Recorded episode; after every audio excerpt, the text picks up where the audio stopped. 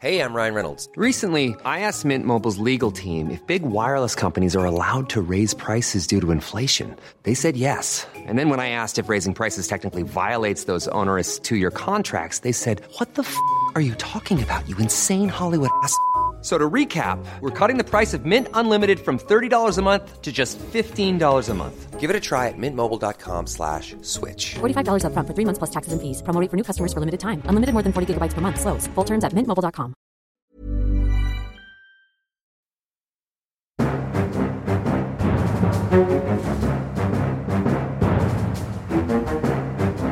Yes, yes, yes. Da setter vi i gang med en ny episode Aftenpodden USA. Kristina Pletten, vår kommentator, du er tilbake fra Washington DC. God og trøtt, men på plass i studio tidlig en onsdagsmorgen. Ja, litt jetlagget jeg, men det har begynt å gi seg, så dette skal gå fint. Det skal gå veldig fint. Der har du og vår korrespondent Kjetil Hansen laget flere podkastepisoder som skal komme utover høsten, litt sånn arkivting. Men de er laget også en spesialepisode som dere publiserte i slutten av, av forrige uke, med Thomas Massey. Veldig interessant eh, kongressrepresentant. Vi har jo hatt stabssjefen hans også på denne poden. Han er nordmann. Det hadde vi i januar. Hvis folk ikke hørte den episoden, burde gå og høre på den. Og så burde høre Massey-episoden. Ja. Hvordan var det å treffe, treffe han? Det var veldig, veldig spennende, fordi vi fikk jo komme inn i dette kontorbygget der representantene har kontorer, så vi gikk litt sånn og vandret i, i korridorene før vi kom inn. Eh, så blant annet Rashida Tlaibs sitt kontor der det palestinske flagget står utenfor, og, og eh, Ja, det er, det er demokrat. Vi snakker Ja. Massey, da snakker vi eh, republikaner langt ute på høyresiden. Ja. etter Smart med litt sånn libertarianske holdninger. Ja, Så det er veldig forskjellig, de to. Veldig forskjellig de to. Eh, og, og han eh, var jo midt i dette her kaoset som skjer nå i Representantenes hus. Mm. Så mens vi satt der, så fikk han telefoner hele tiden, så han måtte liksom bare se på telefonen og, og la være å ta den, da. Men, men eh, han var litt sånn stresset, oppkjørtet, fordi at han er jo en av de som egentlig er litt sånn protestrepublikanere, så han sa det var veldig mye press på de. Blant annet så gjorde de sånn name and shame-greie der eh, de, kaller, de alle er samlet, og så sier de Thomas Messi stand up, og så må han liksom stå der og forklare for alle de andre hvorfor han er eh, imot det de fleste er for, da. Så eh, han, han, det var veldig interessant, og jeg oppfordrer folk til å gå og høre på den. Episoden nå, da, hvis de er litt interessert i dette her eh, palassintrigene, som han kalte det, da. Det er et godt ord. Palassintriger. Absolutt, gå og hør den spesialepisoden fra for, forrige uke. I dag, jeg må også si da, jeg er Øystein Langberg, kommentator i Aftenposten også. I dag skal vi forsøke å se litt inn i glasskula, Kristina, og si noe om hvor vi tror USA er på vei, basert på våre erfaringer fra landet de siste årene, og litt hvor landet står eh, i dag. Så vi skal ta for oss noen av de spørsmålene vi får ofte, altså blir Biden gjenvalgt, men også litt mer sånn litt mer sånn grunnleggende ting da, om, om det landet og demokrati og sånn. Men først har vi jo siden sist eh, spalten vår, og du har jo allerede vært inne på speakervalget, men jeg tenker vi kan ta Israel først. Det er jo de to store sakene som dominerer USA nå for tiden. Eh, altså krigen i Israel. Biden bestemte seg for å reise dit. Han er der as we speak, og han har også holdt en, en tale siden forrige ordentlige episode vi, vi lagde, hvor han eh, kom med ekstremt tydelig Israel-støtte. Eh, Vi snakket om at Det demokratiske partiet er litt splitta, og at det er en del palestinavenner ytterst på, på venstresiden, men der plasserte Biden seg helt sånn tydelig i den tradisjonelle Israel-venn-kategorien. Ja, det var jo en harmdirrende tale han holdt på mange måter, Mm. og han har jo vært i hele sin karriere en veldig sånn tydelig Israel-venn, har vært i Israel mange ganger og har et nært forhold til både israelerne, men også jødiske aktivister, organisasjoner, politikere i sitt eget hjemland. Biden har jo et lite problem, som du nevnte, innad i Det demokratiske partiet, fordi at det er en venstreside som er etter hvert ganske tydelig og stor og eh, vokal, Mm. som har vært eh, mer opptatt av palestinernes rettigheter enn av dette nære forholdet til Israel de siste årene. Og det har, de, den splittelsen har på en måte kommet litt til overflaten den siste uken. Ja, og det har vært delte meninger om hvorvidt Biden burde gjøre denne turen. Altså For det første så er det jo risikabelt sånn sikkerhetsmessig. Altså Å dra til Ukraina, da kan du i hvert fall forsøke å kommunisere med russerne at det er dumt å, å måte, treffe den amerikanske presidenten med en rakett. Hamas er ikke sikkert de kommuniserer like godt og synes det er så farlig, eh, på en måte. Så det er, det er jo en, en personlig risiko ved det her. Og så er det alt det politiske, politiske rundt, at han risikerer å, å koble seg for tett da, for eksempel til Benjamin Netanyahu, som jo er kontroversiell i Israel, og kontroversiell i USA, og at han risikerer å ende opp med å eie hele Gaza-krigen hvis det blir en full bakkeinvasjon her og en skikkelig hengemyr for israelerne. Så det er, noen, det er noen sånne avveininger samtidig. Det å vise støtten og være der og vise at man er en president on top of things. Ja, det har jo vært en enorm utfordring, altså en praktisk utfordring for Det hvite hus. Eh, fordi at når en president skal reise, så er det jo alltid helt sånn sinnssykt opplegg. Mm. Når Obama var i Oslo her for mange år siden og tok imot nobelprisen, så sveiset de jo blant annet igjen alle bekkalokkene. Ja, Altså kumlokk, kumlokkene, som det heter i Oslo. Og de har egne biler med, og i det hele tatt. Så det å eh, reises på så kort varsel for Biden inn i Israel, som nå er i krig, Mm. er helt klart en enormt stor eh, praktisk utfordring. Og så er det jo det politiske, som du nevner. Han skulle egentlig ha møtt med eh, Mahmoud Abbas, altså lederen av Palestinian Authority, Mm. og han skulle møtt med, med lederne i Jordan. Det har blitt lagt på is foreløpig fordi at det ble bombet et sykehus Mm. på Gaza i løpet av det siste døgnet. Eh, Israel nekter å stå for det, Hamas nekter også for at det er de som har gjort det, og eh, det viser liksom hvor flytende og usikker denne situasjonen er. Ja. Men jeg tror Bidens mål her er å vise støtte til Israel, men samtidig forsøke å få Israel til å unngå, henge, å unngå ende opp i en altfor sånn dyp hengemyr her, da, og også å vise og, sørge for at det blir tatt noe hensyn til eh, sivilbefolkningen i Gaza. Så de forsøker å, å pushe israelerne i det de mener er riktig retning, samtidig som de skal vise støtte. Det er balansegangen til, til Biden. Og mener han kanskje at det er bedre å møtes ansikt til ansikt. Ja, og Antony Blinken, eh, utenriksministeren, har jo vært der i en uke nesten, og har eh, drevet sånn eh, diplomati.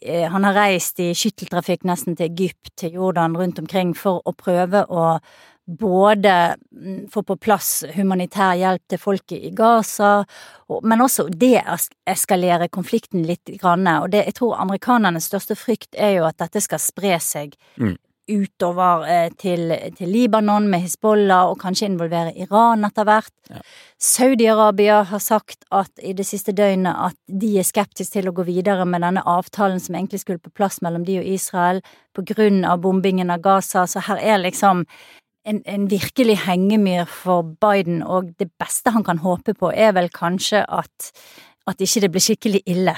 Så det er ikke så mye oppside egentlig for Joe Biden og, og USA her, altså. Nei, i hvert fall ikke på litt sikt. En sånn Nei. tur kan jo på kort sikt gi han en liten sånn opps altså oppslutningsboost, men ja, enig. Det, I verste fall ender vi opp med to ordentlig eh, kjipe kriger, både Ukraina og den her, og da, ja Det kan jo være vanskelig for Biden. En ting som kanskje er litt sånn i bakhodet både til Biden og, og regjeringen, er jo at de må legge press på Kongressen for å få på plass en spiker, Mm. fordi at de må eh, bevilge mer penger til hjelp til Israel, altså eh, i en slags sånn ekstra nødpakke, da. Mm. Og det kan ikke Representantenes hus gjøre uten leder. Nei, ikke sant? Og da bringer vi oss over på punkt to på vår utvidede siden sist i dag, altså republikanernes jakt på, på spiker. Vi snakket om det i forrige episode også. Ehm, da nevnte vi to hete navn til kandidater. Det var Steve Scalise og Jim Jordan. Og Scalise vant jo først en sånn intern avstemning blant republikanerne, men så hadde han ikke nok støtte til å få flertall i huset, da man har med seg nesten hele partiet sitt, for alle demokratene stemmer jo imot. Så han trakk seg før det kom til en avstemning, så han slapp en sånn ydmykende runde som McCarthy måtte gjennom da han fikk 15 runder før han ble valgt tilbake i januar. McCarthy som altså ble kasta eh, for noen uker siden.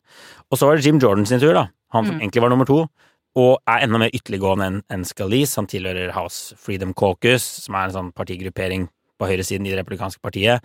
Har støttet altså, Trumps valgløgner, absolutt litt sånn konspiratorisk. Han vil, vil stille Biden for riksrett, han vil gå langt på alle disse tingene. En hardliner i ordets rette forstand, da. Og så så det egentlig ut som ting var skikkelig på glid for han i, i helga. Altså, flere av disse mer moderate stemmene sa at vet du hva, vi må ha en speaker, som du sier. Israel, er masse ting. Det er jo veldig flaut for republikanerne, de har flertall, men klarer ikke å velge en leder til å lede dem. Um, men, men så var det en avstemning, da, uh, tirsdag kveld. I, I Representantenes hus, før Jordan sa la oss gå til huset og stemme over dette. Og da manglet han eh, altså 20 republikanere stemte imot. Alle demokratene stemte imot. Og det gjorde at han eh, rett og slett ble nedstemt der. Og det er egentlig der eh, ting står nå. De skal antageligvis forsøke å stemme igjen i dag, altså onsdag. Eh, håpet for Jordan er jo at noen av de som har sagt nei, skal nå snu og begynne å støtte han og sånn, men det er en sånn kronglete vei for han. Eh, Men du var jo ganske kritisk til Jordan og hans muligheter til å bli valgt som speaker i forrige episode, hvis man går tilbake og hører. Eh, Er du, er du like kritisk nå? Altså, hvis, ja. Ja, altså jeg er jo like kritisk til Jordan. Jeg mener han er et utrolig dårlig valg som speaker.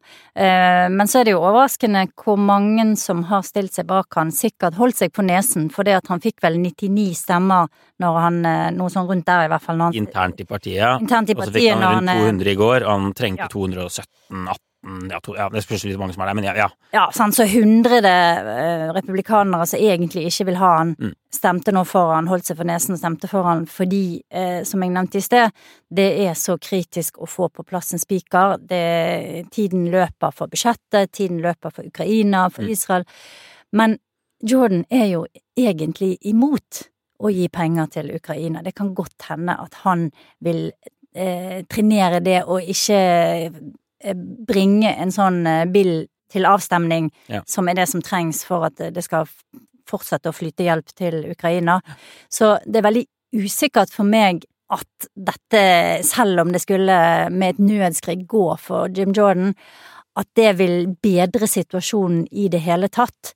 I hvert fall sånn som jeg kjenner han som politiker, da, som er Han er veldig kompromissløs. Altså, det har vært hele hans eh, politiske prosjekt har vært å være Mm. totalt kompromissløs. Ja. Hvordan en sånn person skal klare å, å, å drifte den eh, eh, Representantenes hus, Ja. det er for meg en gåte. Ja, de sier dårlig forhold til demokratene, dårlig forhold til masse- masse egne partimedlemmer.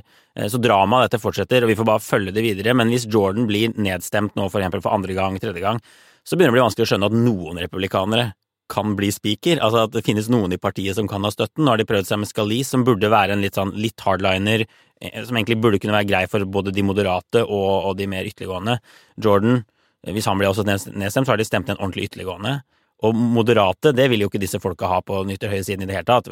Mer sentrums, ordentlig sentrumsorienterte eh, politikere. Så da må det være Ja, det er kanskje dette som er Jordans fordel, da. At det bare på en måte må ha en spiker til slutt.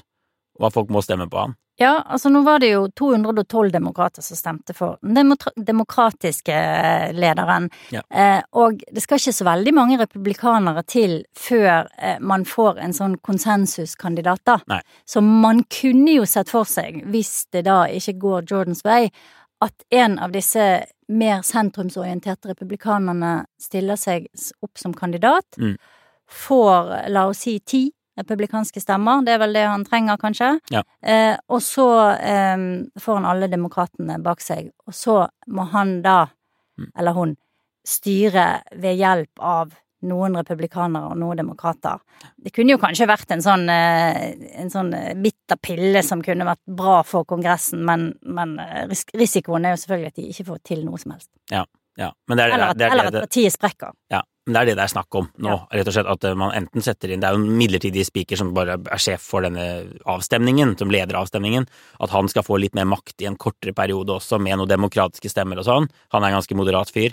Eller ja, noe mer sånn demokratisk. Det blir, det blir spennende å se. Akkurat nå så er det liksom vanskelig å skjønne at, at noen skal ha støtte i, til noe som helst. Ja, altså det som det er bare, bare si det, veldig uvanlig i amerikansk målestokk med en sånn tverrpolitisk kompromiss om speaker. ikke sant? Det er derfor det sitter så ekstremt langt inne. I Europa ville jo det vært liksom the no-brain solution, selvfølgelig. No-brainer solution, i hvert fall. Ja, men så er det jo sånn at eh, det er ikke bare spikeren som har makt, ikke sant. Spikeren bestemmer hvilke saker som kommer til Mm. avstemning, men først så skal jo de inn i disse komiteene, og i komiteene så sitter det Mm. blant annet Jim Jordan, eh, som er leder for justiskomiteen, og andre så, eh, eh, veldig konservative republikanere, som da kan eh, kan på en måte eh, hindre at ting kommer videre før det kommer så langt at det kommer til spikeren. Så her er det mange muligheter for videre kaos. Ja, det er mange muligheter for videre kaos, og det er bare ja, en suppe fra dag til dag. Som vi følger med på på aftenposten.no og i denne podden videre. La oss Ja. gå over til hovedtemaet i dag, da vi sa vi skulle prøve å trekke litt lengre linjer, og en av grunnene til det er at dette er min siste episode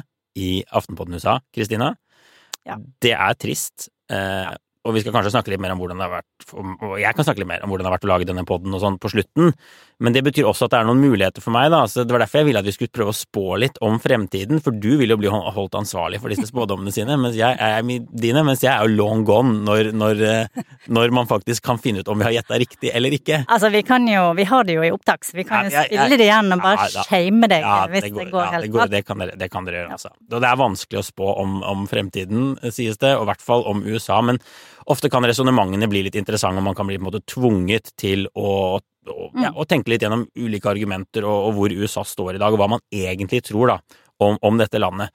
Så jeg tenker bare la, la oss starte med, Vi har fem spørsmål. La oss starte med det vi kanskje aller oftest blir spurt om i en eller annen variant, og det er blir Joe Biden gjenvalgt som president i 2024, eller sånn, kan Trump komme tilbake? Ja, det er jo litt av det samme, da, men la oss ta Blir Joe Biden gjenvalgt som president i 2024? Hva tror du? Jeg tror det avhenger av motstanderen.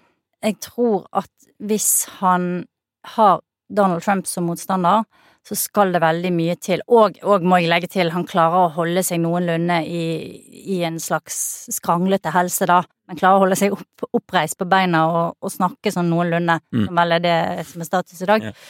Så tror jeg at han vil eh, sannsynligvis slå Trump. Ikke sikkert, Mm. men Mer sannsynlig enn mer sannsynlig, og det er to grunner til det. Det ene er demografi. Det er at eh, Trump har eh, eldre velgere. De yngre som kommer til, er ikke like eh, ivrig i denne magerbevegelsen. Mm. Eh, og nummer to at uavhengige velgere, i hvert fall i forrige mellomvalg, gikk veldig tydelig imot både altså de Trump-kandidatene som Altså kandidatene som Trump eh, valgte, da. Mm. Og han har ikke vist seg å ha noe veldig tydelig budskap, Trump. Så jeg tror at Biden eh, vil, vil virke som det trygge valget i en veldig usikker tid, i en, i en usikker verden. Mm. Og det er jo sånn at og som vi har sagt mange, mange mange ganger på denne podden, økonomi og privatøkonomi er det viktigste. Det er sånn at folk har det faktisk ganske bra. De aller fleste amerikanere har en økonomi som er solid.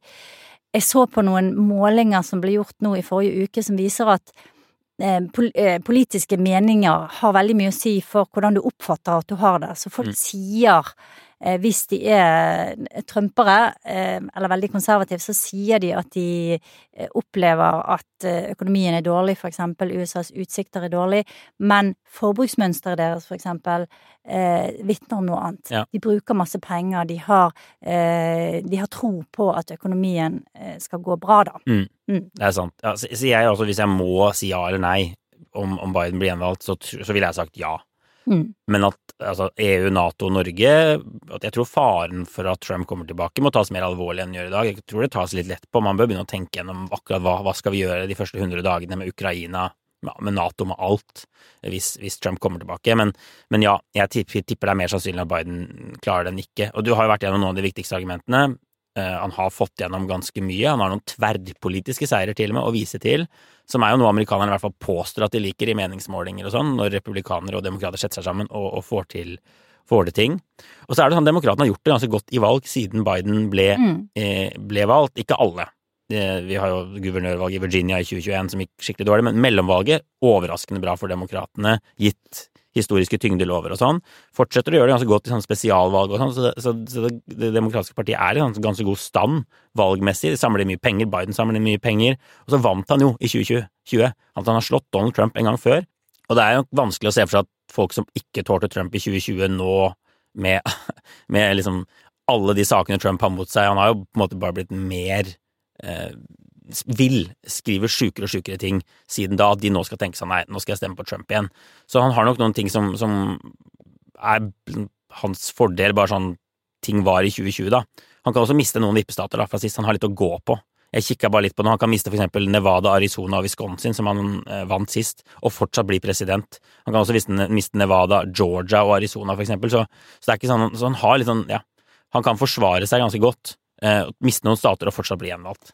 Ja, jeg har sett på noen målinger, og der gjøres jo en del eh, delstatsmålinger, og Wisconsin, som du nevnte, ikke en veldig, veldig stor stat, men litt sånn midt på treet. Mm. Der leder jo Trump på målingene, og Biden ser ikke sånn veldig sprek ut eh, heller på de, liksom de generelle nasjonale målingene. Vi har, som vi har nevnt tidligere, en tredjekandidat, Robert Kennedy jr., som, som tar en sånn 10-14% på en del målinger der han er inkludert. Det kan komme andre tredjekandidater. Det er jo en litt sånn eh, Det er et ganske stort usikkerhetsmoment, særlig for Biden, vil jeg si. Ja. Det kan også komme sånne typer på høyresiden som spiser av Trumps oppslutning. Ja. Og så er det jo eh, Jeg tror jo at fortsatt at det godt kan skje at det ikke er Trump som blir eh, motkandidaten til Biden. Jeg har jo nevnt før, og jeg vil nevne det igjen, Nikki Haley, som er en stigende stjerne, gjør det veldig bra i New Hampshire, blant annet. Hun eh, dunker Biden ganske tydelig på, på meningsmålinger hvis hun er republikanernes kandidat. Så det kan hende eh, at ut i, i, i februar-mars så har vi en annen situasjon der eh, der man har en, en, annen kandidat som ser litt mer spiselig ut. Ja. Fortsatt er det ganske usannsynlig, men, men, jeg tror det kan skje, da. Ja, ja. Jeg tror kanskje enda et hakk mer usannsynlig enn du tror, men, men ja. ja. Men altså, det er, det er, derfor jeg tror Biden kan bli gjenvalgt, ja. Fordi jeg tror Trump blir kandidaten. Så det er flere ting som går inn i det, det der. Og, og, det er jo dette med økonomien, da, som blir selvfølgelig kjempe, kjempeviktig.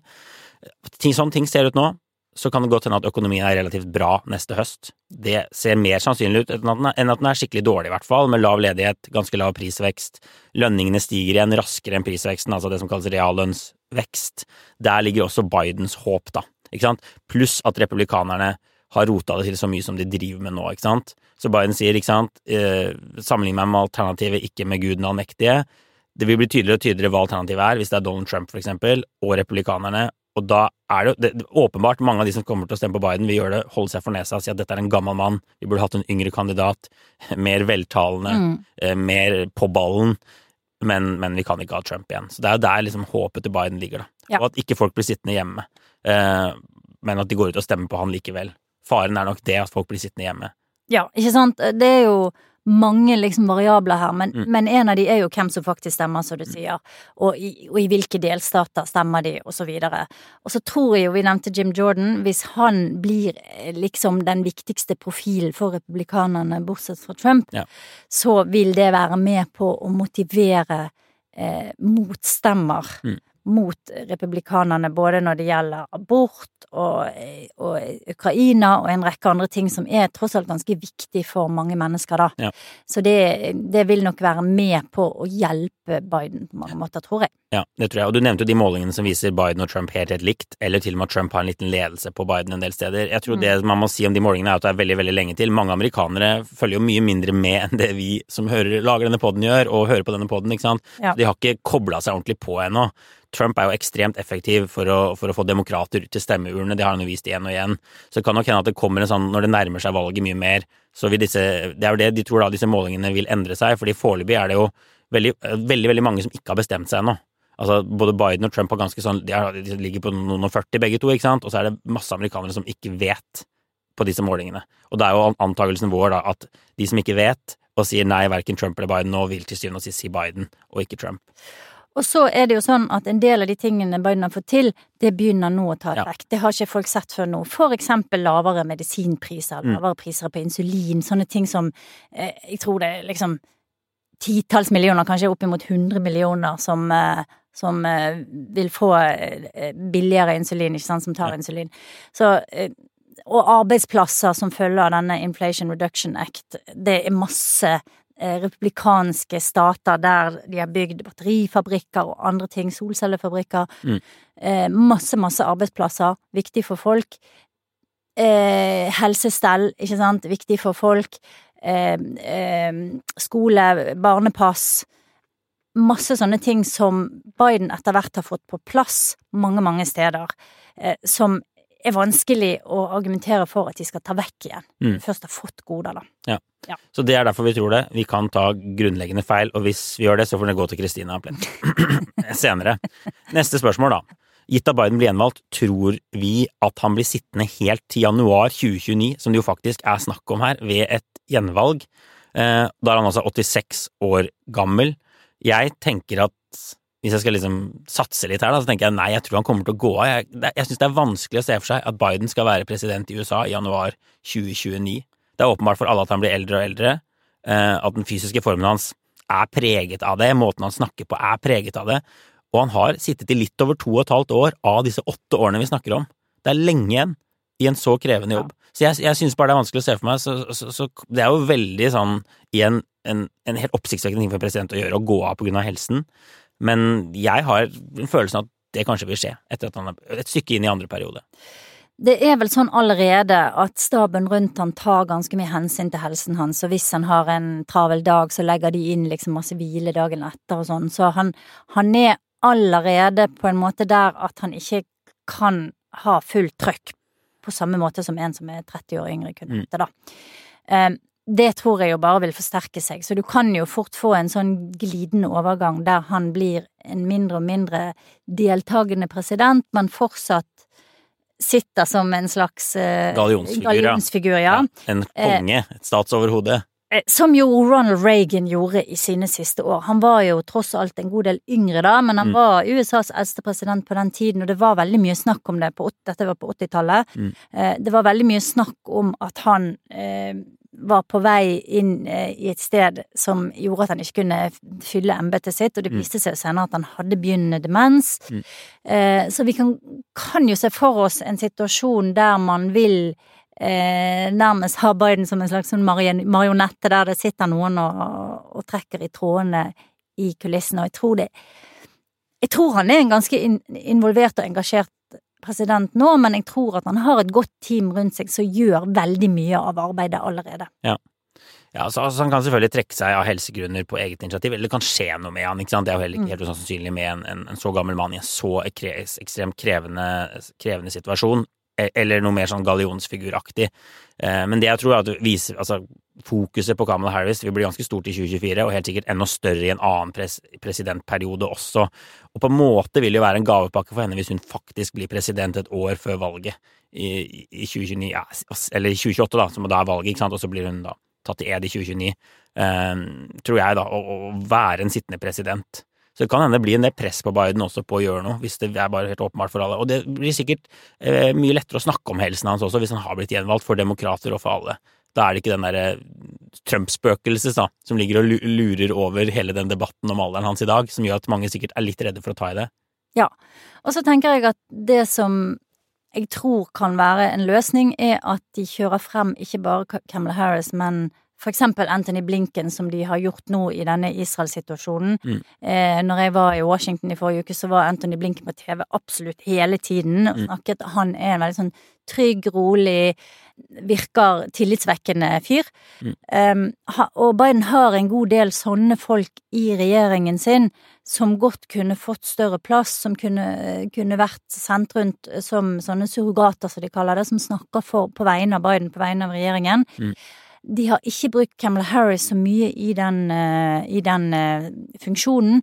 Hun kunne også selvfølgelig fått mer av det. Så er det jo et spørsmål med hvor god hun egentlig er, og hvor godt hun fungerer. Det var en veldig, veldig god artikkel om henne i New York Times sitt helgemagasin i helgen som gikk. Mm. Druknet litt i hele Israel-greien. Men der hun ble spurt ganske direkte av journalisten som hadde fulgt henne over tid, da, om hun eh, Hvorfor det var så lite tillit til henne, og hvorfor hun var så upopulær og sånn.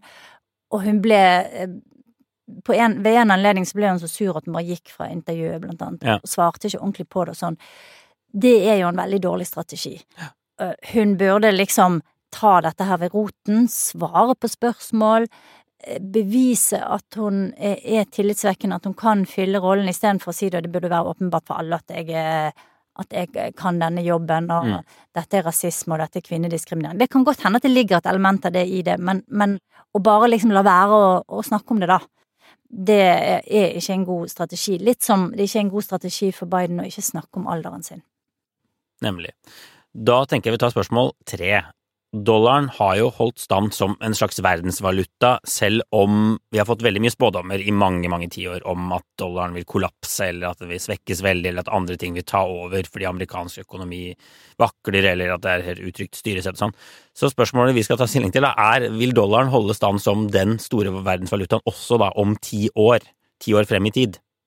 Um, ja, jeg tror egentlig det. Her har du mer eh, dyptpløyende kunnskap enn det jeg har. Men jeg tror det fordi at det er ikke så mange gode alternativer. Kina har jo forsøkt å bruke sin valuta yuan som et, eh, et alternativ. Har prøvd å ikke sant, handle blant annet med Russland og, og noen av disse andre eh, BRICS-landene i sin valuta, og, og, å, skape et slags ikke, Jeg tror ikke det er bare den kinesiske, men en slags sånn Mm. kurv av andre valutaer da, som skal være et alternativ.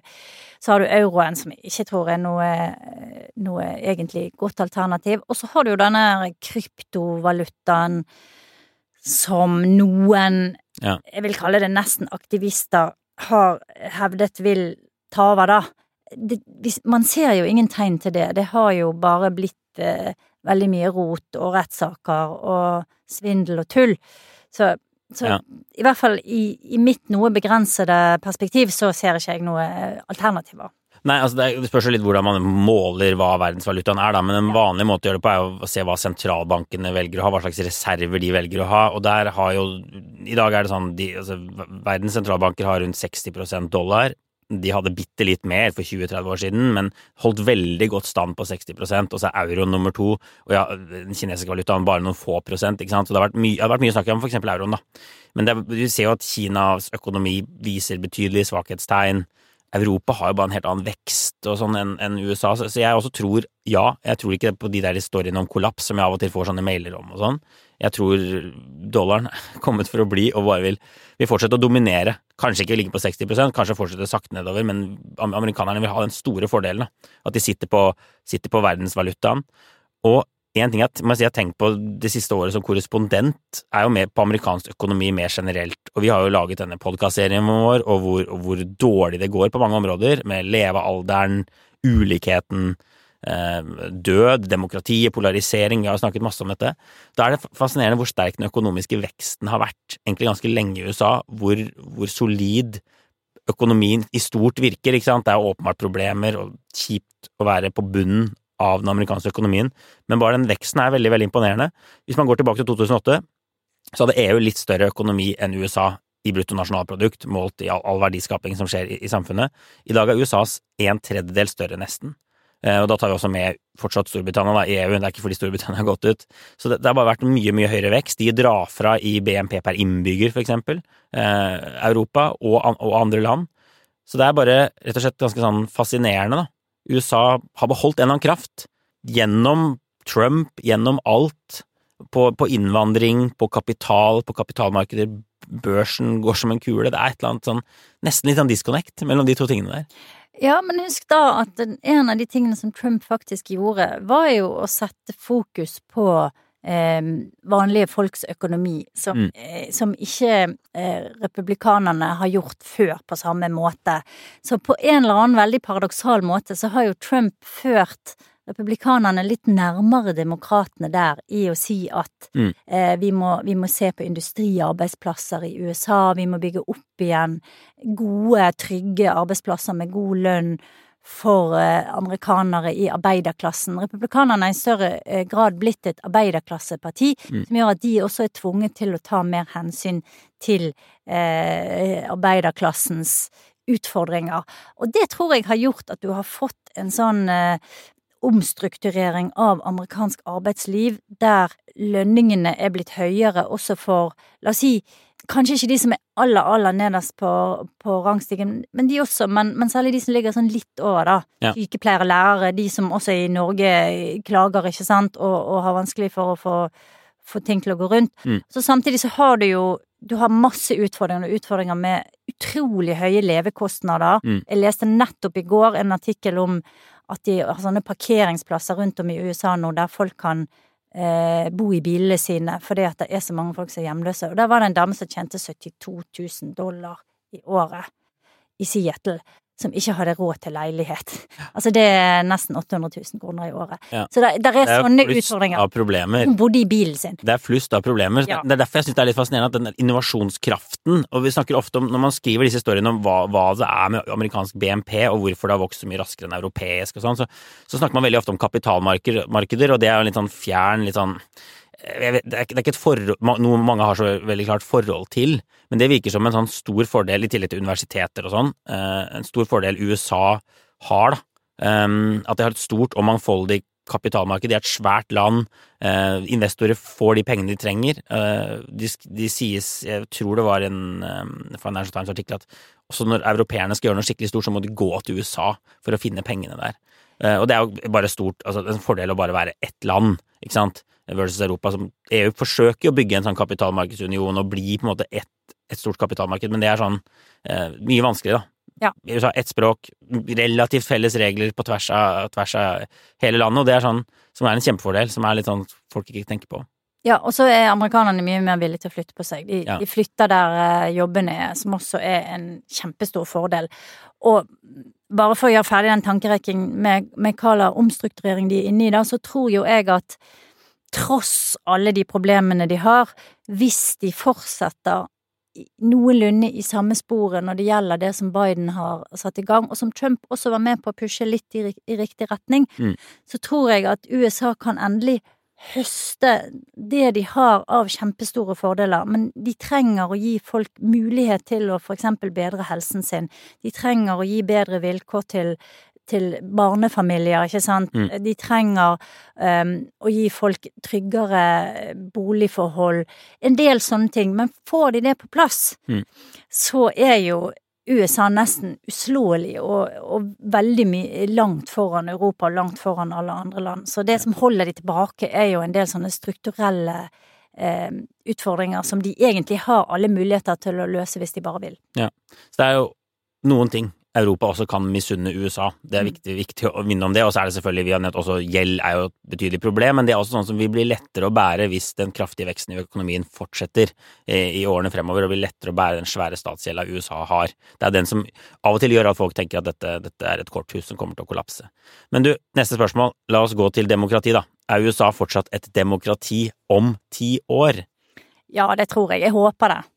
Jeg tror jo at eh, det, vi, det har vist seg at institusjonene i USA er, er sterke. Domstolene har, eh, har holdt stand, Mm. tross at de har blitt politisert.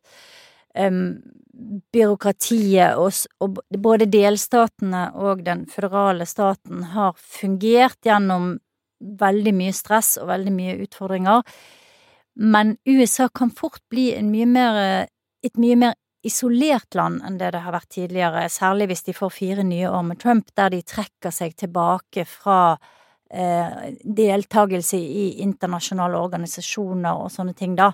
Mm. Så jeg tenker jeg tror, jeg tror det skal veldig mye til for at demokratiet rives ned, men det kan endres på Ja. mange måter. Ja. Bli mer eh, innadvendt, og også bli mer eh, fragmentert på mange måter. Jeg er enig, altså USAs demokrati har jo bestått noen helt sinnssyke prøver gjennom historien, og 2020, stormingen av Kongressen, var jo også en sånn prøve som de på sett og vis besto, da. Mange av de som står bak nå, er jo i fengsel. Det er rettsprosesser mot Donald Trump. Du sier eh, rettssystemet fungerte, holdt seg uavhengig, selv mye dommere Trump hadde utnevnt. De på en måte støttet ikke han. De, de var 'Dere har ikke en sak her'. Kaster, kaster ut alle argumentene deres. Så det fungerte jo ganske bra. Og så er det jo fortsatt sånn at USA har en del checks and balances, og delstaten er jo også litt sånn viktig i det hele den derre maktfordelingsprinsippet, da, tenker jeg. Eh, Men det er ingen tvil om at det knaker i sammenføyingen, og man kan jo diskutere om USA allerede er et fullgodt demokrati. Vi har jo snakket om på denne poden mange, mange ting som ikke er så, så bra, for eksempel måten de tegner disse kartene, både i lokalpolitikken og nasjonalt på, hvordan det er nesten umulig for noen partier å vinne frem. I Wisconsin er et sånn ekstremt eksempel hvor demokratene må få så høy oppslutning for å kunne sikre seg eh, flertall i delstatsforsamlingen der, fordi republikanerne har tegna så smarte hermetegn eh, kart av det som kalles gerrymandering, for eksempel. Så det er jo masse sånne ting. altså Fanger, folk som har vært sittet inne, kan ikke stemme. eh, Vanskelig lange køer ved valglokaler. Det er jo masse sånne debatter som gjør at USAs demokrati føles mindre fullendt enn det norske. Men veien til sånn full on eh, diktator, eh, autoritært land, det er fortsatt et stykke dit, så jeg tror heller ikke Jeg tror også det er, vi kan kalle det demokrati om ti år, egentlig. Og så er det jo en annen faktor som veldig mange amerikanere etter hvert er opptatt av, på både høyre- og venstresiden, og det er jo den økonomiske makten til disse store selskapene, blant annet de store teknologiselskapene. Mm. Og kampen mot det de kaller for corporate America, eh, den eh, tiltar både på høyre- og venstresiden, og det vil også være en utfordring for demokratiet å hindre at pengene egentlig har all makten, og at Mm. demokratiet bare er et slags spill for galleriet, da. Så det er mange utfordringer å ta fatt i, men jeg tror at amerikanerne er veldig klar over hvilke utfordringer som eh, som utgjør en fare for demokratiet, og så er ikke de så enig i hva løsningene er, og hvordan de skal takle det. Men det er, eh, det er en slags prosess som er på gang for å fornye demokratiet, både i USA og i Europa, Mm. eh, som jeg tror og håper vil, vil lande på beina etter hvert. Men det, men det er Det gjør at det føles utrygt, det føles eh, eh, litt sånn eh, volatilt. Det, det føles som at det, at det grunnen liksom rister litt under oss. Og det er jo, vi er jo inne i en periode der det virker veldig mørkt, ikke sant? Det Mm. er masse kriger, det er polarisering, det er terrorangrep. Så det kan se ut som liksom alt er i ferd med å rakne. Jeg tror, fordi jeg må liksom eh, være litt optimist for å klare å takle dette her, jeg tror at det vi ser er egentlig en sånn svær sånn omveltning som gjør at man etter hvert vil komme ut på andre siden i en bedre verden, Ja. for å si det veldig banalt. Ja. Der folk eh, skjønner eh, hva de må ta fatt i, og, og finner bedre løsninger på veldig store utfordringer, da. Ja. Eh, Blant annet at jeg har veldig stor tiltro til yngre generasjoner, og at de har en annen tilnærming til disse tingene.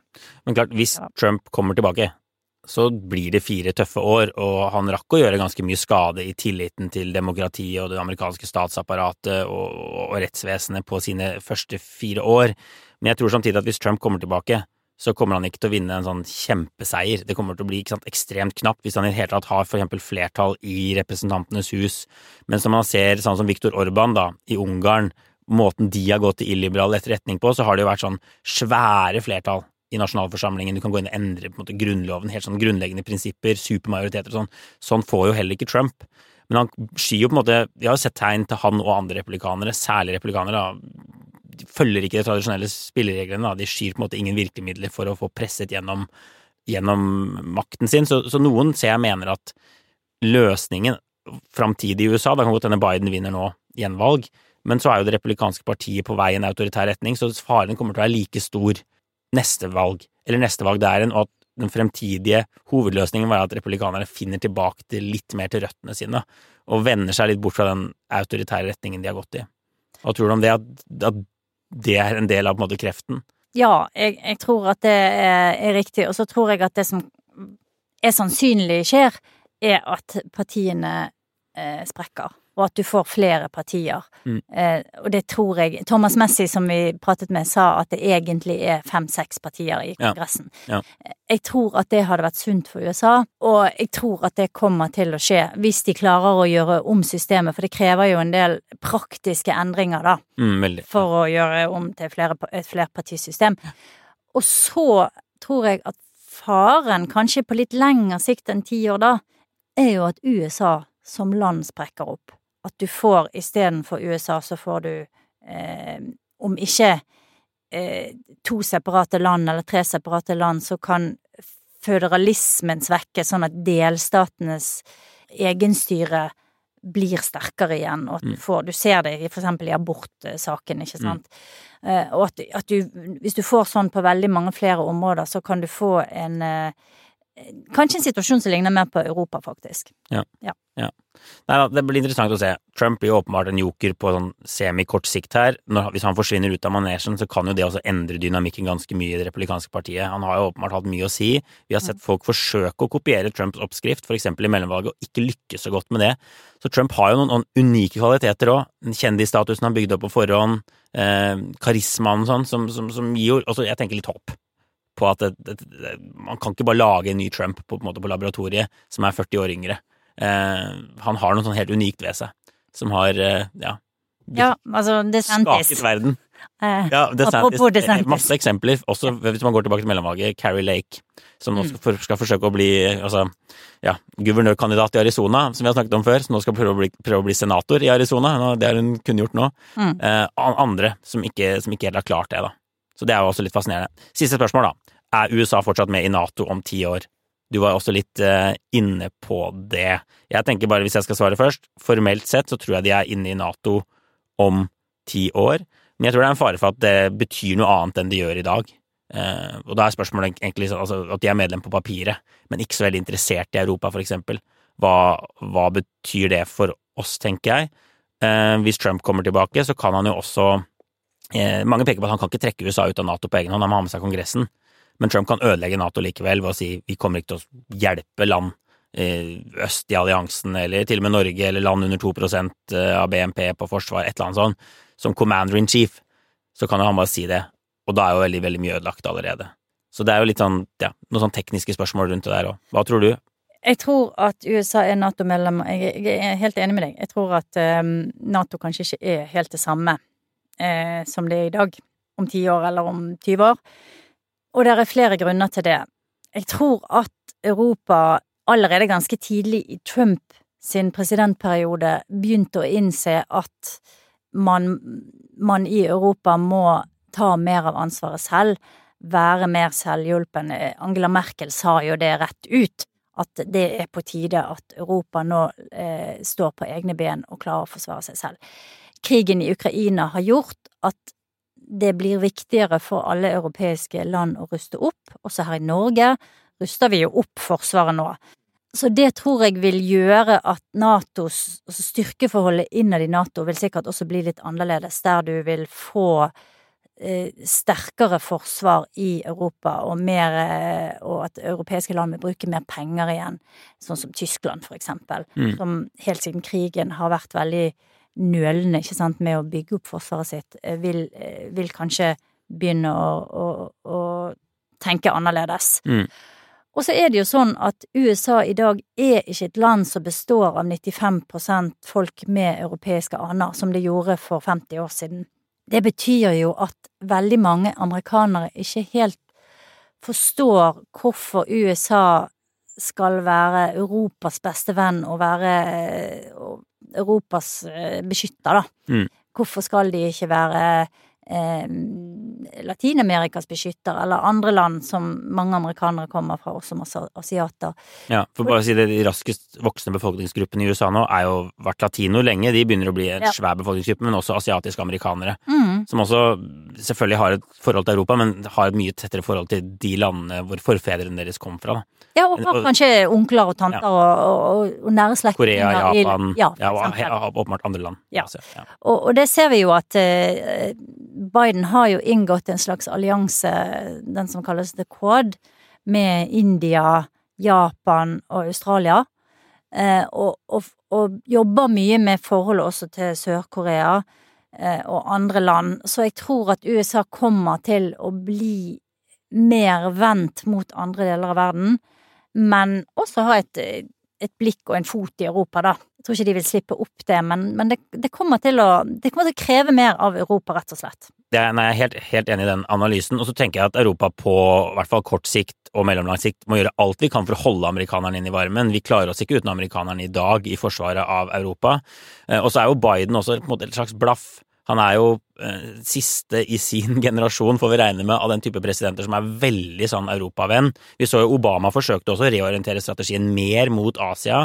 Ukraina-krigen har jo også gjort det tvingende nødvendig med et fokus på Europa, men det kan være litt sånn at vi blir litt sånn forledet av det òg nå, og tenker at nå er USA virkelig back in Europa på ordentlig. Men at det kan være at de ganske fort, hvis man får en løsning på det, eller at den konflikten fryses på et eller annet vis, at vi vil se det der Asia-fokuset, at USA har hodet sitt et annet sted da, enn hos oss. Mm. Jeg, tror, eh, jeg tror det er riktig. Og så tror jeg òg at um, Jeg tror ikke at man tar lett på en mulig tilbakekomst av Trump. Jeg tror at både det amerikanske byråkratiet og institusjonene i USA og i Europa, og disse store internasjonale organisasjonene som Nato, Mm. Er godt i gang med å forberede seg på hva det kan bety. Ja. Ehm, det, jeg, jeg spør om det hver gang jeg får en mulighet Mm. til å snakke med noen som, eh, som har eh, inside-kunnskap, og mitt inntrykk er at de forberedelsene er godt i gang. Så man kommer ikke til å bli tatt på sengen på samme måte som man ble ved sist.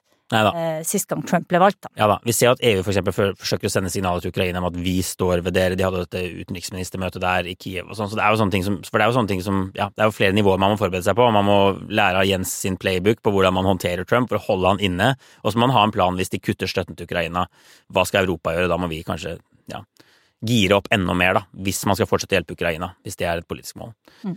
Men bra. Jeg tror vi skal sette strekk. Det ble eh, mange interessante tanker der. Eh, og så tar vi en runde med obligatorisk refleksjon til slutt. Og jeg kan starte, tenker jeg. Eh, dette er min siste.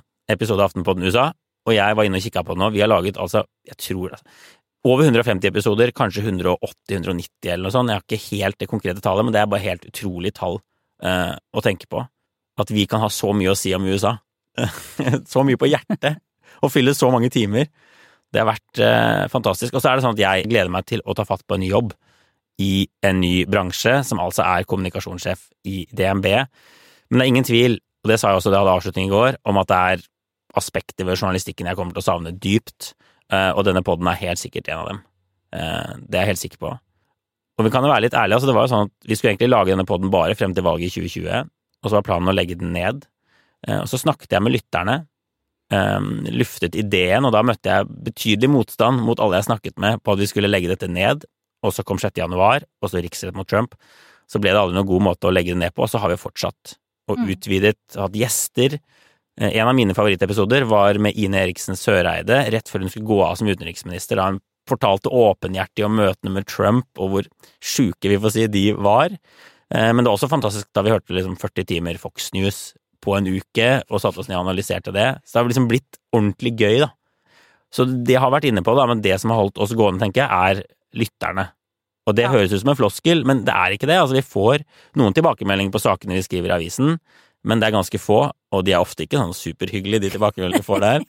Men forholdet til eh, podkastlyttere har vært noe helt, helt annet. Eh, det har vært bare, ja, så gøy. Og Facebook-gruppe nå, altså en relasjon vi har fått. Og podkast har vært veldig gøy. Det er altså et rom for å dyrke måte nyanser, eh, fortelle vitser og anekdoter på en helt annen måte enn vi får, får til i, eh, i papiravisa og på nett. Så det har vært kjempegøy, Kristine. Ja, det må jeg si. Ja, det har virkelig det, og det er jo en litt sånn vemodig dag, da. Men vi kommer jo til å fortsette mm. med Aftenpodden USA. Kommer nye overraskelser. Kjetil og jeg har eksperimentert litt i Washington, og det kommer til å være flere folk som etter hvert blir koblet på. Du nevnte Ine Eriksen Søreide, vi har snakket med Hans Høeg. Det kommer spennende, eh, spennende informasjon snart om ny event. Mm. Så vi skal jo gire opp til valget, eh, selv om ikke du er med, Øystein. Ja. Det, det, blir Vi skulle gjerne, veldig gjerne hatt deg med på laget, men sånn er livet. Eh, så vi, vi fortsetter. Og jeg, jeg, min ord kan bare skli rett inn i din, og så fortsette med å snakke litt om, om lytterne våre som jeg tenker er naturlig mm. å ha som ord i dag. Det har vært en utrolig oppvåkning for meg hvordan podkast eh, fungerer. Mm. Som du sier, altså vi får tilbakemeldinger også på det vi skriver, men de er eh, ofte ganske Det er sånn fin De, de hyggeligste er sånn fin artikkel, men ja. her manglet du et komma, eller du er en idiot og en Jeg skal ikke si det her. Eh, men podkastpublikum eh, virker som en helt annen skål, da. De, dere har eh, kommet med utrolig mye konstruktive tilbakemeldinger. Vi har fått beskjed for eksempel om eh, når vi sier noen ting for mye, sånn som liksom og mm. sant, og lager sånne pauselyder og sånn, så jeg tror publikum har gjort oss mye bedre på mange måter med, med sine tilbakemeldinger. Ja. Og så har jeg jo møtt folk hele tiden som, som hører på podden. Altså på de underligste steder. Mm. Og de siste ukene så har jeg møtt på utrolig mange mennesker som har spurt meg hvorfor du skal slutte. Eh, og så jeg har måttet forklare eh, så godt jeg kunne, da, hvorfor du tar dette valget. Ja. Eh, og det er jo ganske Det er jo rart og vemodig, men det er også ganske fint, da hvor mange folk som bryr seg, Øystein, om at, uh, om at uh, de kunne høre på deg uh, hver uke. Ja, altså de sinteste reaksjonene har jeg fått fra lytterne ja. på, på, mitt karrierevalg. Det er jo faktisk ganske, ganske utrolig. Men du, jeg tror vi sier altså Jeg får si takk for følget. Jeg er utrolig stolt av å ha fått være med på det her, og utrolig stolt av at dere skal lage podden frem til 2024, og at, skal, at den skal leve videre. Det er jo mm. utrolig, utrolig gøy. Så jeg tror vi setter strek. Aftenpodden USA er tilbake om en uke. Jeg gleder meg til å høre på dere. Ha det, ha det. Åh. Ja. We love our pets, but when the floor's covered in fur, that's harder to love. Eufy X10 Pro Omni Robot Vacuum has powerful 8000 PA suction to make hair vanish from floors in just one pass. Plus, the roller brush has automatic detangling for easy hands-free maintenance. Want to know more? Go to eufy.com. That's EUFY.com and discover X10 Pro Omni, the best in class all in one robot vacuum for only $799.